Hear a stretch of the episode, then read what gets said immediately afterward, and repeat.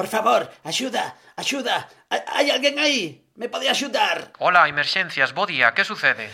Teño aquí a un amigo que, que, que non responde, non, non sei que facer. A persoa non responde? Non, non, falolle non di nada. Sen achegarse a súa cara, vexa a ver se respira. Parecelle que respira con normalidade ou non respira. A RCP é o acrónimo de Reanimación Cardiopulmonar Básica, é un conxunto de manobras moi sinxelas que consisten nas compresións torácicas no peito e na insuflación boca a boca, eso antes da época da Covid. Saber por se acaso. Unha centrifugación de efervesciencia en radio e podcast. Capítulo 1. RCP en tempos da COVID.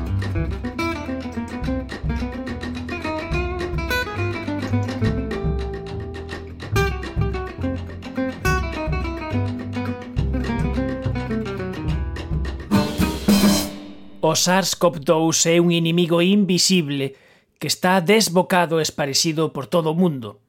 Pero nestes tempos segue a ser válida a frase de que unha vida pode salvar outra vida? Somos testemunhas de algo que semella unha parada cardíaca. Sen dúbida, o que temos que facer é tratar de reanimar esa víctima. Se temos en conta que é posible que sea un familiar noso co que convivamos, non temos que ter ningunha precaución especial. Antonio Rodríguez é catedrático de Pediatría da Universidade de Santiago, onde lidera o grupo de urxencias Simulación e Innovación Docente. E si é unha persona que non conocemos, polo menos o que temos que facer é avisar os servicios de emerxencias e iniciar as compresións torácicas. Agora mesmo é obligatorio o uso da mascarilla, que xa protexe o reanimador no momento de facer as compresións torácicas, Polo tanto, non hai ningunha excusa para non iniciar a reanimación cardiopulmonar. Roberto Barcala, do Grupo de Investigación en Socorrismo Remos da Universidade de Vigo, investiga os mellores xeitos de adestrar a poboación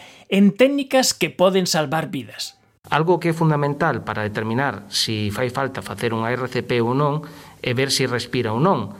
Non nos debemos de achegar como se facía antes facendo a, a apertura da vía aérea. O que debemos de facer é mirar se si a barriga sube ou baixa a unha certa distancia e a partir de aí tomar a decisión de si precisa reanimación. Ante a duda, vai no precisar. Debemos actuar. E que é o que acontece cos chamados DESA? Os desfibriladores externos semiautomáticos. Como e para que serven? Poden utilizalos calquera persoa?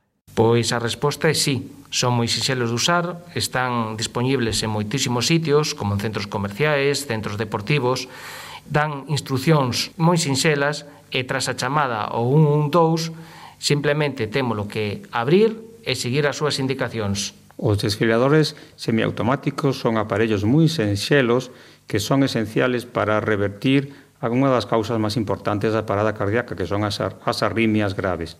O aparello é capaz de identificar o tipo de arritmia que ten esa persoa e é capaz de descargar unha dosis de, unha de enerxía eléctrica que é capaz de facer que ese corazón volva a funcionar. Algúnas preguntas que nos fan a xente é se si son peligrosos. Non son perigosos. Calquer persona os pode usar sin risco a que sufra unha electrocución. Eso é un mito, hai que ter unha serie de precaucións, pero en sí non son perigosos. Pensemos no persoaxe máis pintoresco do cinema español, Torrente. Pois Torrente o podría utilizar sin cometer ningún error. E volvemos á reanimación cardiopulmonar. Un neno sería quen de facer unha RCP? A RCP empeza co o aviso aos sistemas de emerxencias. Un neno moi pequeno de seis anos pode alertar aos sistemas de emerxencia. Ese é o primeiro paso, xa está facendo algo para salvar unha vida. A partir de aí, cada unha das cousas que se van facendo pois é necesario ter máis forza, por exemplo, para facer unhas boas compresións torácicas, o famoso masaxe cardíaco, necesitas un mínimo de peso e de forza. Pois a partir dos 12, 13 anos, a máis, maior parte dos nenos teñen capacidade para facelo. O que pasa que, como cualquier persona, teñen que aprender, hai que entrenar. E como moitas cousas na vida, a veces vale máis maña que forza. Canto antes empecen, antes van a aprender Neste sentido, está demostrado que, inda que non sean capaces de comprimir adecuadamente os 6, 7, 8 anos, se empezan nesas edades, van a conseguir a profundidade mínima antes que se empezan máis tarde. É dicir, un neno de 12 anos que empezara a aprender RCP aos 7 vai a chegar a profundidade millor que un neno de 12 anos que aprende RCP aos 12 anos, nesa idade. Por eso, en Galicia eh, a educación física promove a ensinanza da reanimación cardiopulmonar xa dende a escola, para que se consigan estos hábitos xa dende pequeniños. É unha persoa maior? Unha persoa maior tamén pode reanimar. O bo que ten a RCP é que calquer persoa pode utilizar estas técnicas para reanimar alguén.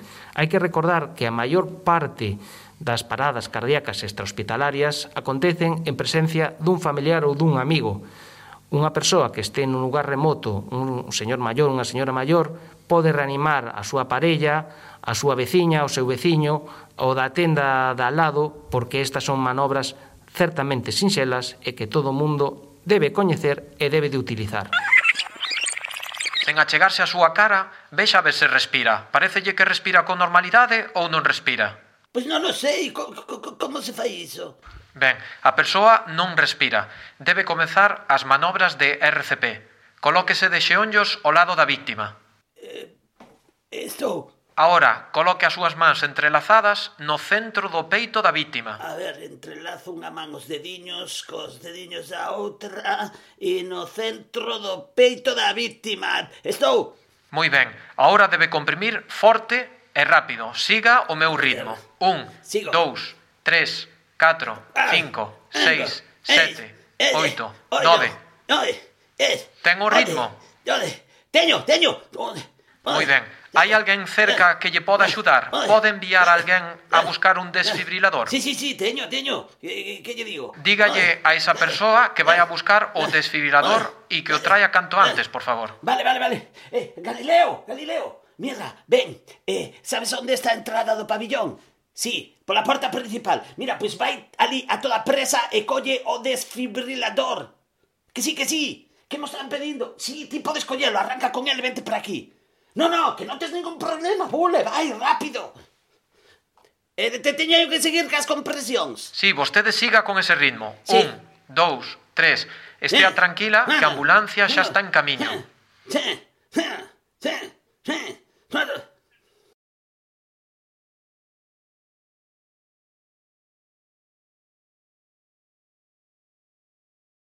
Hmm, hmm.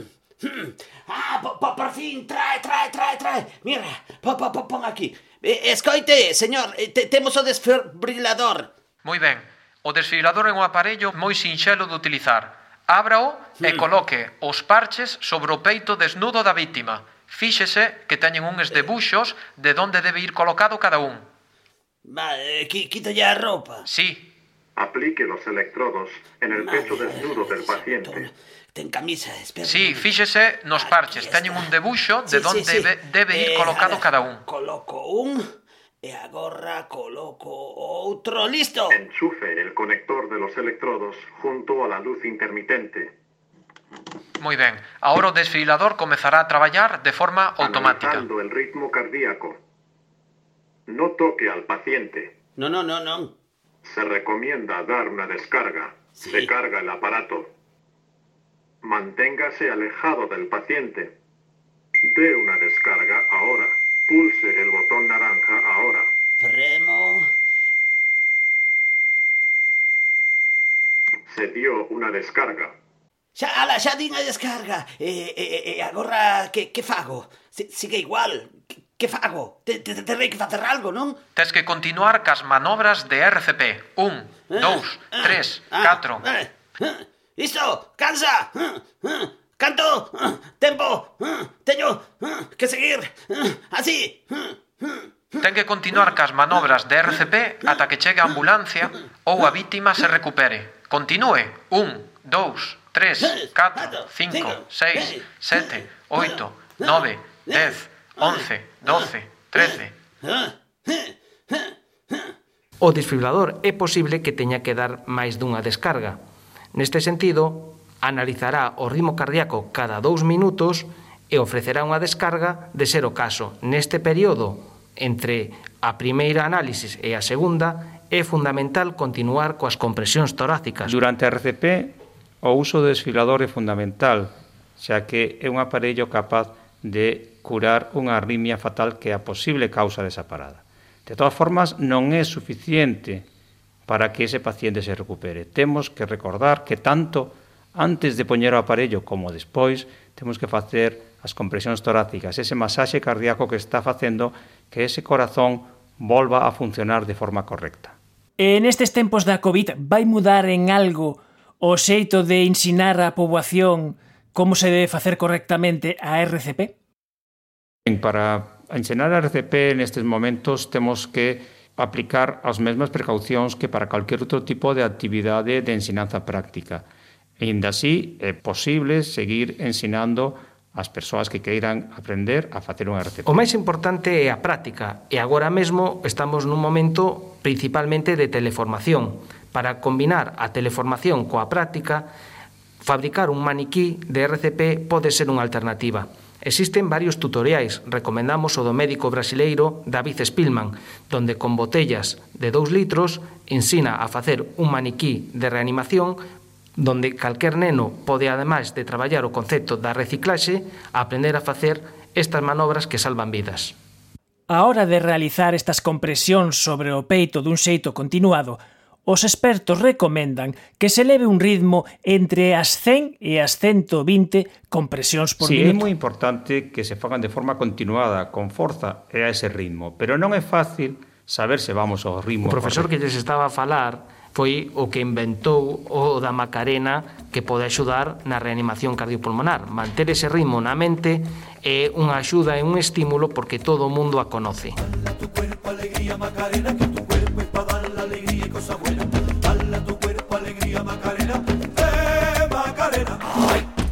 Cualquier música o cualquier canción que siga o ritmo nos vale. Pode ser música clásica.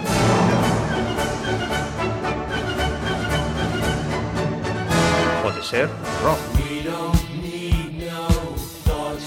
Pode ser música popular.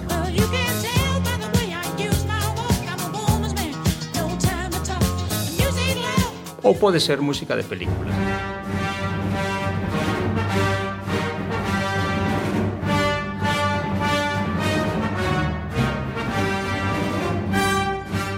A min personalmente o que máis me gusta é o rock, e se é rock galego, mellor. Estábamos a procura da canción galega da RCP. Saber por se acaso. Unha colaboración entre Efervesciencia e o grupo Remos, Rendemento e Motricidade do Salvamento e Socorrismo da Universidade de Vigo. A unha isla del Caribe he tenido que emigrar. A un ritmo clavado de 110 pulsacións por minuto, temos Miña Terra Galega, a canción galega para RCP. Neste primeiro Saber por si acaso, interviron Roberto Barcala, Antonio Rodríguez e máis Felipe Fernández no papel de operador do 112.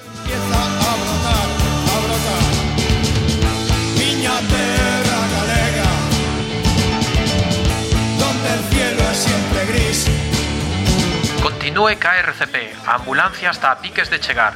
1, 2, 3, 4, 5, 6, 7, 8, 9, 10, 11, 12, 13, 14, 15, 16, 17, 18, 19, 20, 21, 22, 23, 24, 25, 26, 27, 28, 29, 30, 31.